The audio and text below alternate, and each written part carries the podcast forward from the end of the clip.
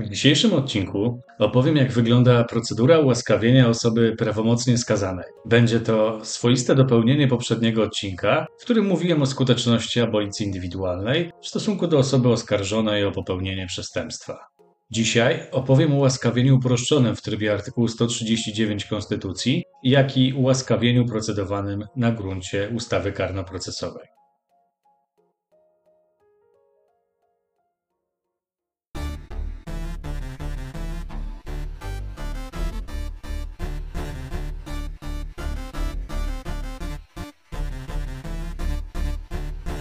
Cześć, z tej strony Piotr Miszta. Witaj na moim podcaście Świadek ze słyszenia, czyli subiektywnie o procesie karnym i to do granic możliwości.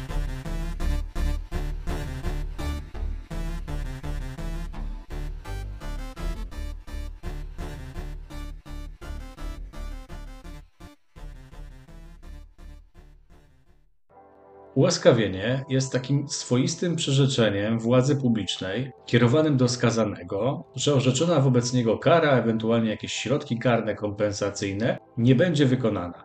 Ułaskawienie nie może być utożsamiane z uniewinnieniem.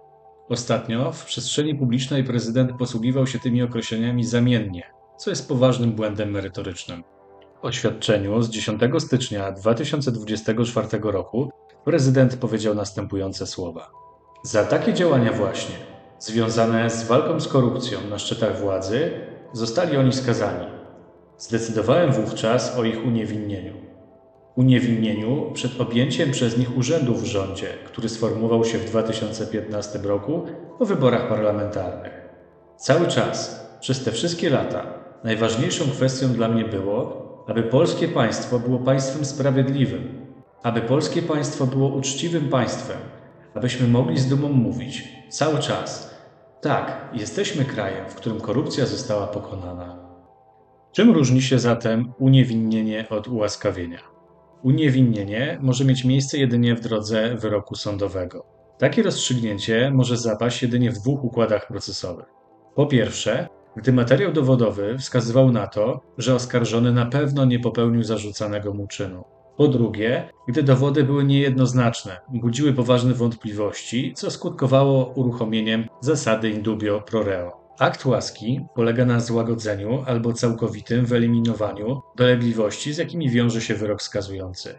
Odnosi się zatem do następstw wyroku, jego skutków. Przedmiotem ułaskawienia jest darowanie lub złagodzenie kary, środków karnych oraz innych publicznoprawnych skutków skazania. Ułaskawienie stanowi przeszkodę w wykonaniu orzeczonej kary, nie dotyka jednak samego wyroku. W obecnym stanie prawnym ułaskawienie może nastąpić w dwóch trybach. W trybie konstytucyjnym, na zasadach określonych w artykule 139 Konstytucji RP oraz w trybie ustawy Kodeks Postępowania Karnego. Ułaskawienie na zasadach określonych w Konstytucji. Prezydent Rzeczypospolitej stosuje prawo łaski, Prawa łaski nie stosuje się do osób skazanych przez Trybunał Stanu. Tak mówi artykuł 139 Konstytucji. Ułaskawienie może dotyczyć jedynie osoby prawomocnie skazanej, a więc takiej, której wina została udowodniona i stwierdzona prawomocnym wyrokiem sądu. Jak już mówiłem w ostatnim odcinku, ułaskawienie może dotyczyć jedynie osoby prawomocnie skazanej, a więc takiej, której wina została udowodniona przez oskarżyciela a następnie stwierdzona prawomocnym wyrokiem sądu. Co to znaczy, że orzeczenie jest prawomocne? Najczęściej prawomocność dzielimy na formalną oraz materialną. Prawomocność materialna jest bezpośrednim skutkiem istnienia prawomocności formalnej. Prawomocność formalna wiąże się z brakiem możliwości odwołania zapadłego rozstrzygnięcia. Orzeczenie prawomocne nie może zostać bowiem uchylone lub zmienione w drodze. Tak zwyczajnych środków odwoławczych, jak na przykład zażalenie czy też apelacja, ale także z urzędu przez sąd, który je wydał. Prawomocność materialna natomiast jest skierowana do zewnątrz, działa na przyszłość. Oznacza zakaz wszczynania i prowadzenia postępowania o ten sam czyn tego samego oskarżonego. Wyrokiem prawomocnym będzie wyrok sądu pierwszej instancji, od którego nie wniesiono w terminie apelacji, wyrok nakazowy, jeżeli w terminie ustawowym nie wniesiono wobec niego sprzeciwu, a także wyrok sądu odwoławczego utrzymującego w mocy wyrok sądu pierwszej instancji bądź zmieniający go w określonym zakresie, tzw. Tak wyrok reformatoryjny sądu odwoławczego. Zatem w celu przypomnienia, prawo łaski jako uprawnienie prezydenta Rzeczypospolitej Polskiej, określone w artykule 139, zdanie pierwsze Konstytucji, może być realizowane wyłącznie wobec osób skazanych. Zastosowanie prawa łaski przed datą prawomocności wyroku nie wywołuje bowiem żadnych skutków procesowych. Prezydent nie posiada zatem prawa do tzw. abolicji indywidualnej. Przesłanką negatywną zastosowania prawa łaski w tym trybie jest skazanie przez Trybunał Stanu. Przepis artykułu 139 Konstytucji, zdanie pierwsze, nie ma zastosowania do osób skazanych przez Trybunał Stanu. Ten katalog wynika z ustawy o Trybunale Stanu. Należą do nich prezes Rady Ministrów, członkowie Rady Ministrów, prezes NBP, prezes NIK, członkowie Krajowej Rady Radiofonii i Telewizji, osoby, którym prezes Rady Ministrów powierzył kierowanie ministerstwem oraz naczelny dowódca Sił Zbrojnych. Ułaskawienie w trybie artykułu 139 Konstytucji ma charakter maksymalnie uproszczony. Jest to też najszybsza droga przebaczenia i puszczenia w niepamięć sprawstwa i winy osób skazanych. Prezydent ułaskawia skazanego, wydając postanowienie, które ma charakter natychmiast wykonalny. Skutkiem wydania aktu łaski jest umorzenie postępowania wykonawczego całości albo w określonym zakresie, stosownie do artykułu 15 paragraf 1 KKW, w zależności od treści wydanego postanowienia.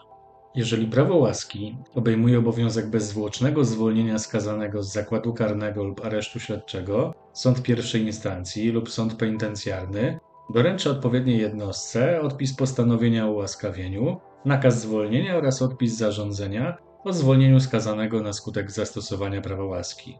Kwestię tę opisuje regulamin urzędowania sądów powszechnych. W omawianej przeze mnie poprzednio sprawie Mariusza Kamińskiego oraz Macieja Wąsika prezydent nie zdecydował się ułaskawić skazanych, bezpośrednio stosując przepis artykułu 139 Konstytucji. Skorzystał z tzw. Tak drogi prezydenckiej, o której mowa w ustawie karno-procesowej. Jednocześnie zaapelował do prokuratora generalnego o wstrzymanie wykonania kar pozbawienia wolności aż do zakończenia procedury ułaskawieniowej.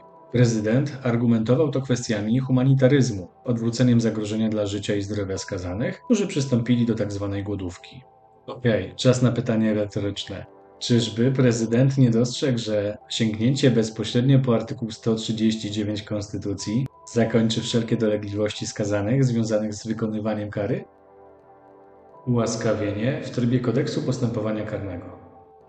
Zgodnie z przepisami kodeksu postępowania karnego, ułaskawienie może nastąpić albo na wniosek, albo z urzędu. Zacznijmy od omówienia ułaskawienia na wniosek. Pierwsze pytanie, na które musimy odpowiedzieć, to kto może złożyć taką prośbę o ułaskawienie? Prośbę o ułaskawienie stosownie do artykułu 560 paragraf 1 KPK może wnieść sam skazany, osoba uprawniona do składania na jego korzyść środków odwoławczych, jego krewni w linii prostej, przysposabiający lub przysposobiony, ale także rodzeństwo, małżonek oraz osoba pozostająca ze skazanym we wspólnym pożyciu. Osobą uprawnioną do składania na jego korzyść środków odwoławczych będzie każdorazowo obrońca, a w przypadku, gdy skazany jest nieletni lub ubezwłasnowolniony, także jego przedstawiciel ustawowy, np. rodzic lub osoba, pod której pieczą skazany pozostaje. Krewnymi w linii prostej będą zarówno wstępni, jak np. rodzice czy dziadkowie skazanego, jak również wstępni, np. jego dzieci, wnukowie. Osobą pozostającą ze skazanym we wspólnym pożyciu będzie zarówno konkubent, jak i konkubina. Warunkiem możliwości złożenia wniosku jest istnienie trzech więzi emocjonalnej, fizycznej oraz ekonomicznej. Nie będzie zatem uprawniona do złożenia wniosku kobieta, która pozostaje w związku ze swoim partnerem, który został skazany, jeżeli wskazane osoby nie mieszkają ze sobą i nie tworzą tzw. Tak wspólnego gospodarstwa. Warunkiem niezbędnym do złożenia prośby o łaskawienie jest posiadanie statusu osoby skazanej. Oskarżony w toku postępowania przed jego prawomocnym zakończeniem nie jest zatem uprawniony do złożenia takiego wniosku. Wniosek taki jest przedwczesny. Obowiązujące przepisy nie pozwalają na zgłaszanie wniosków na tzw. Tak wszelki wypadek. Taka prośba jest niedopuszczalna z mocy ustawy, w związku z tym na podstawie artykułu 560 paragraf 2 KPK sąd pozostawia ją bez rozpoznania. Ok, ale co w przypadku, gdy doszło do zatarcia skazania? Osoba, wobec której nastąpiło zatarcie skazania i uważa się je z mocy prawa za niebyłe, traci przymiot skazanego. Nie może zatem ubiegać się ułaskawienie. Do kogo wnosi się wniosek o ułaskawienie? Zasadniczo prośba powinna być skierowana do sądu pierwszej instancji. Jej adresatem może być także prokurator generalny, a nawet prezydent. W tym drugim wypadku następuje przekazanie prośby według właściwości albo też względnie uruchomienie postępowania ułaskawieniowego z urzędu. Prośba może zostać także pozostawiona bez rozpoznania. Ma to miejsce, jeżeli zostanie ona wniesiona przez osobę nieuprawnioną albo jest niedopuszczalna z mocy ustawy. Decyzja ta przyjmuje formę postanowienia, na które nie przysługuje środek odwoławczy w postaci zażalenia. W takim układzie przestaje istnieć przedmiot postępowania. Co jeżeli skazany ponowi wniosek o ułaskawienie przed wydaniem decyzji w przedmiocie pierwszego aktu łaski? Taki dokument należy dołączyć do akt sprawy jako pismo zawierające dalsze argumenty, a nie traktować go jako inicjatywy kolejnego postępowania, podlegającego umorzeniu z powodu tzw. zawisłości sprawy. Za tym przemawia celowość zbadania całej argumentacji przedstawionej przez skazanego. Osoba, która wniosła prośbę o ułaskawienie, może ją również cofnąć, co wynika z treści artykułu 560 paragraf 3 Kodeksu Postępowania Karnego. Co ciekawe, jeśli wniosek nie pochodzi od skazanego, to dla cofnięcia wniosku nie jest wymagana jego zgoda. Tutaj można byłoby rozważyć zmianę tego przepisu, tak aby uwzględnić interesy osoby najbardziej zainteresowanej, a więc tej, której wina została uprzednio udowodniona i stwierdzona prawomocnym wyrokiem sądu. Na gruncie postępowania odwoławczego środek odwoławczy wniesiony na korzyść oskarżonego może być cofnięty wyłącznie za jego zgodą. Procedura ułaskawienia na wniosek zależy od tego, czy w sprawie orzekał tylko i wyłącznie sąd pierwszej instancji, czy też toczyło się postępowanie odwoławcze. Jeżeli w sprawie orzekał tylko sąd pierwszej instancji, to stosownie do artykułu 561 paragraf 1 KPK prośbę o ułaskawienie przedstawia się sądowi, który wydał wyrok w pierwszej instancji. Sąd nie wydaje postanowienia o wszczęciu postępowania. Ono zostaje uruchomione z mocy samego prawa, z chwilą złożenia prośby przez podmiot do tego uprawniony. Zgodnie z artykułem 561 paragraf 2 Kodeksu Postępowania Karnego, sąd powinien rozpoznać prośbę o łaskawienie w ciągu dwóch miesięcy od daty jej otrzymania. Jest to termin instrukcyjny. Jego przekroczenie nie powoduje negatywnych skutków dla skazanego. Sąd rozpoznaje prośbę o łaskawienie w takim samym składzie, w jakim orzekał. W skład sądu powinni w miarę możliwości wchodzić sędziowie i ławnicy, którzy brali udział w wydaniu wyroku. Należy dostrzec, że ustawa wskazuje, że skład sądu ma być taki sam, a nie ten sam. Innymi słowy, jeżeli w pierwszej instancji sąd orzekał w składzie trzech sędziów zawodowych, to w postępowaniu łaskawieniowym powinno brać również udział trzech sędziów. Nie muszą to być jednak te same osoby, które wydały wyrok Meriti. Byłoby to oczywiście w pełni pożądane.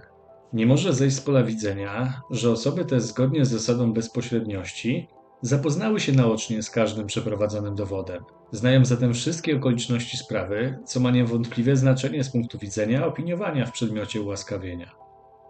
Ustawa nie przewiduje, jakie warunki formalne powinna spełniać opinia sądu. Niewątpliwie musi ona dać odpowiedź na to, czy zachodzą okoliczności wskazane w artykule 563 Kodeksu Postępowania Karnego. W świetle tego przepisu, rozpoznając prośbę o ułaskawienie, sąd w szczególności ma na względzie zachowanie się skazanego po wydaniu wyroku, rozmiary wykonanej już kary, stan zdrowia skazanego, jego warunki rodzinne, to czy naprawił szkodę wyrządzoną przestępstwem, a przede wszystkim szczególne wydarzenia, jakie nastąpiły po wydaniu wyroku. Podkreśla się, że skazany może z łaski skorzystać jedynie w wyjątkowych, szczególnie uzasadnionych przypadkach, gdy pozostawienie do wykonania kary orzeczonej wyrokiem byłoby sprzeczne z zasadami sprawiedliwości społecznej i humanitaryzmu. Ułaskawienie jest wyjątkową sytuacją, w której państwo rezygnuje z kontynuowania realizacji skutków wymierzonej kary. Zmiana okoliczności w stosunku do sytuacji z daty wyrokowania oznacza, że cele kary, zarówno w zakresie tzw. Tak prewencji indywidualnej, jak i generalnej, zostały już osiągnięte. Okoliczności brane pod uwagę przy sądowym wymiarze kary nie mają już znaczenia. Oceniać należy również wpływ kary na życie skazanego. Do stosowania prawa łaski można sięgnąć dopiero, gdy zwykłe środki przewidziane przez prawo nie są już wystarczające, zaś względy sprawiedliwości i humanitaryzmu domagają się swoistej reformacji sytuacji prawnej skazanego. Natomiast jeżeli w życiu skazanego nie zaszły żadne atypowe i ważkie wydarzenia, które nakazywałyby go zwolnić z zakładu karnego przez udzielenie mu łaski już w chwili obecnej, a resocjalizacja skazanego przebiega pomyślnie i niedługo nabędzie on formalne uprawnienia do ubiegania się o tzw. Tak warunkowe przedterminowe zwolnienie, to nie ma konieczności sięgania po prawo łaski. Powodem zastosowania prawa łaski może być także stan zdrowia skazanego. Stan zdrowia może uzasadniać wydanie pozytywnej opinii o ułaskawieniu, gdy zagraża on życiu skazanego, ewentualnie gdy skazany cierpi na schorzenia, które w sposób trwały uniemożliwiają wykonanie kary. Rozpoznając sprawę ułaskawienie, sąd gromadzi wszystkie niezbędne dokumenty. Zobowiązany jest do zebrania danych dotyczących zachowania się skazanego po wydaniu wyroku, rozmiarów wykonanej już kary, stanu zdrowia skazanego, jego warunków rodzinnych, to czy naprawił szkodę wyrządzoną przestępstwem, Sąd również weryfikuje, czy nastąpiły jakieś szczególne wydarzenia po wydaniu wyroku. W razie potrzeby sąd może zwracać się o takie dane do osoby, która wniosła prośbę lub do samego skazanego. Przepisy przewidują także aktywną rolę prokuratora podczas posiedzenia sądu, o czym świadczą regulacje zawarte w regulaminie urzędowania powszechnych jednostek prokuratury. Prokurator zwraca uwagę na to, czy okoliczności podane w prośbie o ułaskawienie są należycie wyjaśnione oraz poparte dowodami. W szczególności musi zweryfikować, czy wskazane w prośbie, a powstałe po wydaniu wyroku zdarzenia są należycie udokumentowane oraz czy zebrano dokumenty dotyczące zachowania się skazanego po wydaniu wyroku, a zwłaszcza aktualny wywiad środowiskowy, opinie z miejsca pracy, aktualne dane o karalności, opinie o zachowaniu się w zakładzie karnym, dowody dotyczące zapłaty orzeczonej grzywny, nawiązki opłat i kosztów sądowych oraz dane o naprawieniu szkody lub zadośćuczynieniu. Ponadto, przychylając się do prośby na posiedzeniu sądu, prokurator zajmuje równocześnie stanowisko co do udzielenia ewentualnej przerwy w wykonywaniu kary lub wstrzymaniu jej wykonania. Stanowisko to oczywiście nie jest wiążące dla sądu. Stosownie do paragrafu 416 Regulaminu Urzędowania Sądów Powszechnych, w postępowaniu łaskawienie sporządzone przez sąd opinie pozytywne o skazanym dołącza się do akt sprawy w opieczętowanej i zaklejonej kopercie. Jeżeli w sprawie, w której wniesiono prośbę o łaskawienie, orzekał tylko sąd pierwszej instancji i wydał on opinię pozytywną, przesyła prokuratorowi generalnemu akta sprawy lub niezbędne ich części wraz ze swoją opinią, a w razie braku podstaw do wydania opinii pozytywnej pozostawia w formie postanowienia prośbę bez dalszego biegu. Inaczej sytuacja kształtuje się, jeżeli w sprawie orzekały sądy obydwu instancji. W takim wypadku sąd pierwszej instancji przesyła sądowi odwoławczemu akta lub niezbędne ich części wraz ze swoją opinią. Sąd odwoławczy pozostawia prośbę bez dalszego biegu tylko wtedy, gdy wydaje opinię negatywną. Opinię taką wydał już sąd pierwszej instancji. W innych wypadkach sąd odwoławczy przesyła akta prokuratorowi generalnemu wraz z opiniami. Jeżeli sądy obu instancji, które orzekały w sprawie, wydały negatywne opinie co do prośby o ułaskawienie, wówczas pozostawienie prośby bez dalszego biegu jest obligatoryjne. W takim wypadku akta nie są przesyłane do prokuratora generalnego. Stosownie do artykułu 565 paragraf 1 KPK, jeżeli prośbę o ułaskawienie choćby jeden sąd zaopiniował pozytywnie, to prokurator generalny ma obowiązek przedstawienia prezydentowi prośby o ułaskawienie wraz z aktami sprawy oraz swoim wnioskiem. Warto również podkreślić, że w omawianym trybie prezydent nie jest związany ani pozytywnymi opiniami wydanymi przez sąd lub sądy, ani także wnioskiem prokuratora generalnego o zastosowanie prawa łaski. Postępowanie łaskawieniowe z urzędu.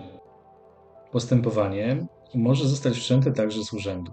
Ustawa karnoprocesowa daje taką możliwość dwóm podmiotom: prokuratorowi generalnemu oraz oczywiście prezydentowi. W tym pierwszym wypadku prokurator generalny wszczyna postępowanie z własnej inicjatywy, w drugim zaś na polecenie samego prezydenta. Postępowanie z urzędu może być także wywołane bodźcem zewnętrznym. Wniosek o podjęcie takiego postępowania może wnieść w zasadzie każda osoba na podstawie artykułu 9 paragraf 2 KPK w związku z artykułem 567 paragraf 1. Może to być zatem osoba obca dla skazanego, przykład znajomy, przyjaciel. Równie dobrze inicjatorem takiego postępowania z urzędu może być przykład Rzecznik Praw Obywatelskich, Rzecznik Praw Dziecka, a także poseł lub senator. Oczywiście tego rodzaju wniosek nie jest wiążący dla prokuratora generalnego. Prokurator generalny, inicjując postępowanie z urzędu, powinien wydać postanowienie o wszczęciu postępowania łaskawieniowego. Prokurator generalny, który wszczyna postępowanie łaskawieniowe, może w zależności od sytuacji albo zażądać przedstawienia sobie akt sprawy z opiniami sądów, albo też przedstawić akta prezydentowi bez zwracania się o opinię sądów. Wybór w tym zakresie należy wyłącznie do niego. Jest to przejaw tzw. władzy dyskrecjonalnej prokuratora. Jednak, jeżeli korzysta z tej pierwszej drogi, powinien wystąpić zarówno opinię sądu pierwszej, jak i drugiej instancji. Co ciekawe, nawet jeżeli obydwa sądy wydadzą opinię negatywną, nie można sprawy pozostawić bez dalszego rozpoznania. Zgodnie z paragrafem 418 Regulaminu Urzędowania Sądów Powszechnych, sądy udzielają prokuratorowi generalnemu w postępowaniu łaskawieniowym informacji o skazanym i sprawie karnej, której dotyczy postępowanie, jeżeli są w ich posiadaniu i nie wymaga to zwracania się przez sąd do innych organów. Co powinien zrobić prokurator generalny, jeżeli co najmniej jeden sąd wydał decyzję negatywną? W mojej ocenie wszystko zależy od tego, co było impulsem do wszczęcia postępowania łaskawieniowego. Jeżeli była to decyzja prokuratora generalnego, wybór tego, czy przekazywać wniosek do prezydenta, zależy od władzy uznaniowej tego podmiotu. Jeżeli nie widzi ku temu podstaw, można zaniechać tej czynności, a postępowanie w tym zakresie umorzyć. Natomiast gdy postępowanie zostało wszczęte z uwagi na wniosek osoby uprawnionej do złożenia prośby o łaskawienie, wydaje się, że wniosek powinien zostać skierowany do prezydenta, nawet wtedy, gdy sądy obu instancji wydały decyzję o charakterze negatywnym. Jak wygląda drugi typ postępowania łaskawieniowego z urzędu? Jest to tak zwany tryb prezydencki. Prokurator generalny przedstawia prezydentowi akta sprawy lub wszczyna z urzędu postępowanie ułaskawienie w każdym wypadku, kiedy prezydent tak zadecyduje. W trybie prezydenckim prezydent wydaje postanowienie. Nie jest to postanowienie w rozumieniu ustawy karnoprocesowej. Jest to rodzaj orzeczenia wydanego w trybie artykułu 142 ust. 2 Konstytucji i dotyczy decyzji podejmowanych przez prezydenta w zakresie realizacji swoich kompetencji. Wydając postanowienie, prezydent wybiera jeden z dwóch wariantów procedowania. Prezydent może w zależności od swojego uznania albo zażądać od prokuratora generalnego akt sprawy, albo nakazać mu wszczęcie postępowania łaskawieniowego z urzędu. W tym pierwszym wypadku rola prokuratora sprowadza się zatem wyłącznie do technicznego przekazania akt sprawy. Prokurator generalny nie musi zatem analizować akt pod kątem podstaw do łaskawienia, ani sporządzać wniosku do prezydenta. Jest to zatem bardzo uproszczony tryb procedowania. W drugim wypadku prokurator generalny wydaje postanowienie o wszczęciu postępowania z urzędu. W takim wypadku postępowanie odbywa się na takich samych zasadach, jak to uruchomione z urzędu przez prokuratora generalnego. Do niego należy wybór procedowania. Może on zwrócić się do sądów o wydanie opinii albo odstąpić od tej czynności, samemu zapoznać się z aktami sprawy i złożyć wniosek do prezydenta w przedmiocie ułaskawienia. Ten drugi model procedowania miał zastosowanie w sprawie łaskawienia Mariusza Kamińskiego i Macieja Wąsika.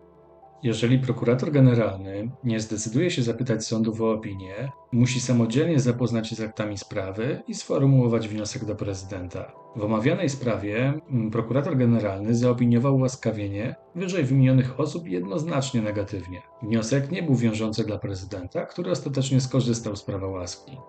Wstrzymanie wykonania kary lub zażądanie przerwy w jej wykonaniu do czasu ukończenia postępowania ułaskawieniowego. Zgodnie z artykułem 568 Kodeksu Postępowania Karnego, uznając, że szczególnie ważne powody przemawiają za ułaskawieniem, zwłaszcza gdy uzasadnia to krótki okres pozostały do odbycia kary, sąd wydający opinię oraz prokurator generalny mogą wstrzymać wykonanie kary lub zarządzić przerwę w jej wykonaniu do czasu ukończenia postępowania ułaskawienia. Wykładnia literalna tego przepisu prowadzi do wniosku, że decyzja o wstrzymaniu wykonania kary albo zarządzeniu przerwy w jej wykonaniu organ podejmuje z urzędu. Oczywiście nic nie stoi na przeszkodzie, aby podmiot uprawniony do złożenia prośby o łaskawienie złożył taki wniosek w trybie artykułu 9 paragraf 2 KPK. Tego rodzaju uprawnień nie posiada prezydent, nawet jeżeli sam inicjuje postępowanie łaskawieniowe. Przepis artykułu 568 KPK ma charakter fakultatywny. Wstrzymanie wykonania kary to też zarządzanie przerwy w jej wykonaniu zależą od dyskrecjonalnej władzy organu. Wstrzymanie wykonania kary lub zarządzanie przerwy może mieć miejsce jedynie, gdy zachodzą tzw. Tak szczególne ważne powody, wskazujące na możliwość ułaskawienia w przyszłości. Chodzi zatem o takie okoliczności sprawy, które wskazują na duże prawdopodobieństwo, że ostatecznie prezydent skorzysta z prawa łaski. Dotyczy to sytuacji, gdy sąd wydał pozytywną opinię, albo gdy prokurator generalny wraz z aktami sprawy przedkłada prezydentowi wniosek, którym według jego oceny skazany powinien skorzystać z prawa łaski. Uprawnienia te dotyczą zarówno sądu pierwszej, jak i drugiej instancji, i to bez względu na to, czy postępowanie toczy się na wniosek, czy też z urzędu. Prokurator generalny może natomiast wstrzymać wykonanie kary zarówno wtedy, gdy działa na podstawie artykułu 567 paragraf 1, czyli sam inicjuje postępowanie łaskawieniowe, jak i wtedy, gdy postępowanie toczy się w tzw. Tak trybie prezydenckim, o którym mówiłem przed chwilą. Warto także podkreślić, że jeżeli sąd skorzysta ze swojego uprawnienia, przykładowo wstrzyma wykonanie kary albo zarządzi przerwę w jej wykonaniu, to prokurator generalny nie może w dalszym toku ingerować w tak zapadłą decyzję. Nie może jej ani zmienić, ani uchylić. Nie posiada on zatem prawa kontroli słuszności wydanego rozstrzygnięcia o charakterze etapowym. Nic nie stoi na przeszkodzie, aby organ, który wstrzymał wykonanie kary lub zarządził jej przerwę, następnie odwołał swoją decyzję. Może mieć to miejsce przykładowo, gdy skazany wprowadził organ procesowy w błąd, np. podał nieprawdziwe okoliczności. Wstrzymanie wykonania kary lub zarządzenie wstrzymania jej wykonania następuje w formie postanowienia, które stosownie do artykułu 98 paragraf 1 kodeksu postępowania karnego powinno zawierać uzasadnienie. Co jeżeli wniosek o wstrzymanie lub przerwę został złożony już po przekazaniu akt do prezydenta? Skoro postępowanie ułaskawienie przed organami procesowymi uległo zakończeniu, to wydanie postanowienia w trybie artykułu 568 KPK jest bezprzedmiotowe, co oznacza, że należy pozostawić taki wniosek bez rozpoznania. Decyzja prezydenta w przedmiocie ułaskawienia. Bez względu na tryb procedowania w przedmiocie ułaskawienia, decyzja w przedmiocie prawa łaski należy każdorazowo do prezydenta. Głowa państwa podejmuje ją samodzielnie. Przepis artykułu 144 ust. 2 ustawy zasadniczej wymienia prawo łaski jako prerogatywę prezydenta. Akt łaski nie wymaga udzielenia kontrasygnaty przez prezesa Rady Ministrów. Nie podlega też żadnej kontroli. Na stronie prezydenta możemy przeczytać następującą treść. Akt łaski stosowany jest przede wszystkim, gdy skutki wyroku są nadmiernie dolegliwe, a ich represyjny charakter znacznie przekracza poziom zamierzony przez sąd, gdy wymagają tego względy humanitaryzmu i sprawiedliwości, a nie można uczynić im zadość w drodze postępowania sądowego, oraz gdy występują wyjątkowe, nieznane dotąd wydarzenia. Akt łaski przyjmuje formę postanowienia, pozytywnego albo negatywnego. Zakres zastosowania prawa łaski również zależy wyłącznie od prezydenta. Może on łaskawić skazanego tylko od kary, pozostawiając w mocy do wykonania środki karne czy też kompensacyjne, ale także zwolnić od wszelkich skutków skazania, a więc od kary, środków karnych, kompensacyjnych, kosztów postępowania, a nawet nakazać zatarcie skazania. Prezydent postanowieniem z dnia 23 stycznia 2024 roku zastosował prawo łaski wobec Mariusza Kamińskiego oraz Macieja Wąsika przez darowanie kary pozbawienia wolności, środków karnych oraz zarządzenie zatarcia skazań. Jakie skutki niesie za sobą zatarcie skazania? Z chwilą zatarcia skazania uważa się je za niebyłe, a wpis o skazaniu usuwa się z rejestru skazanych. W normalnym toku, w razie skazania na karę pozbawienia wolności, zatarcie skazania następuje z mocy prawa z upływem 10 lat od wykonania lub darowania kary albo przedawnienia jej wykonania. Natomiast sąd może na wniosek skazanego zarządzić zatarcie już po upływie 5 lat, jeżeli skazany w tym okresie przestrzegał porządku prawnego, a wymierzona kara pozbawienia wolności nie przekraczała 3 lat. Kwestie związane z wykonaniem i wykładnią postanowienia o ułaskawieniu reguluje paragraf 419 Regulaminu Urzędowania Sądów Powszechnych. W stosunku do skazanego przebywającego w jednostce penitencjarnej, postanowienie o ułaskawieniu wykonuje sąd pierwszej instancji, a gdy akt łaski dotyczy warunkowego przedterminowego zwolnienia, sąd penitencjarny. Jeżeli z postanowienia wynika obowiązek bezzwłocznego zwolnienia skazanego, sąd pierwszej instancji lub sąd penitencjarny doręcza administracji zakładu karnego lub aresztu śledczego odpis takiego postanowienia, nakaz zwolnienia oraz odpis zarządzenia o zwolnieniu skazanego na skutek zastosowania prawa łaski. Inaczej kształtuje się sytuacja osoby, która nie jest pozbawiona wolności. W takim wypadku sąd pierwszej instancji bądź sąd penitencjarny zwraca się pisemnie do ułaskawionego o przybycie do sądu w oznaczonym terminie w celu wręczenia odpisu postanowienia. W przypadku niestawiennictwa odpis postanowienia doręcza się ułaskawionemu. Z wręczenia odpisu sporządza się notatkę, którą włącza się następnie do akt sprawy. W razie zaistnienia wątpliwości co do wykładni postanowienia o ułaskawieniu, Sąd wykonuje je w zakresie, który nie budzi wątpliwości. W pozostałej części wstrzymuje się z wykonaniem postanowienia i zwraca się za pośrednictwem prokuratora generalnego do kancelarii prezydenta celem ich rozstrzygnięcia. Skutkiem wydania aktu łaski jest umorzenie postępowania wykonawczego w całości albo w części, w zależności od okoliczności. Jeżeli prezydent nie skorzysta z prawa łaski, to zawiadomienie w tym przedmiocie sąd pierwszej instancji w każdym wypadku doręcza skazanemu. Warto też pamiętać, że decyzja negatywna w przedmiocie ułaskawienia nie stoi na przeszkodzie wnoszeniu kolejnych próśb. Jednakże ponowna prośba o ułaskawienie, wniesiona przed upływem roku od negatywnego załatwienia poprzedniej prośby, może być przez sąd pozostawiona bez rozpoznania. Chodzi o postawienie takiej tamy przed zbyt częstym, bezzasadnym występowaniem z prośbami o łaskę. Chyba, że w okresie rocznym od negatywnego załatwienia poprzedniej prośby pojawią się jakieś nowe okoliczności, które pozwalają na merytoryczne rozpoznanie prośby. Na koniec zachęcam Was serdecznie do zapoznania się z informacjami statystycznymi zawartymi na oficjalnej stronie prezydenta. Link do tych informacji zamieszczam w opisie odcinka. Na stronie tej znajdują się także komunikaty odnośnie poszczególnych spraw ułaskawieniowych oraz ich wyników. Można z nich przeczytać zdawkowe motywy, którym kierował się prezydent udzielając prawa łaski. Mam nadzieję, że instytucja ułaskawienia Was zaciekawiła. Poświęciłem jej aż dwa odcinki.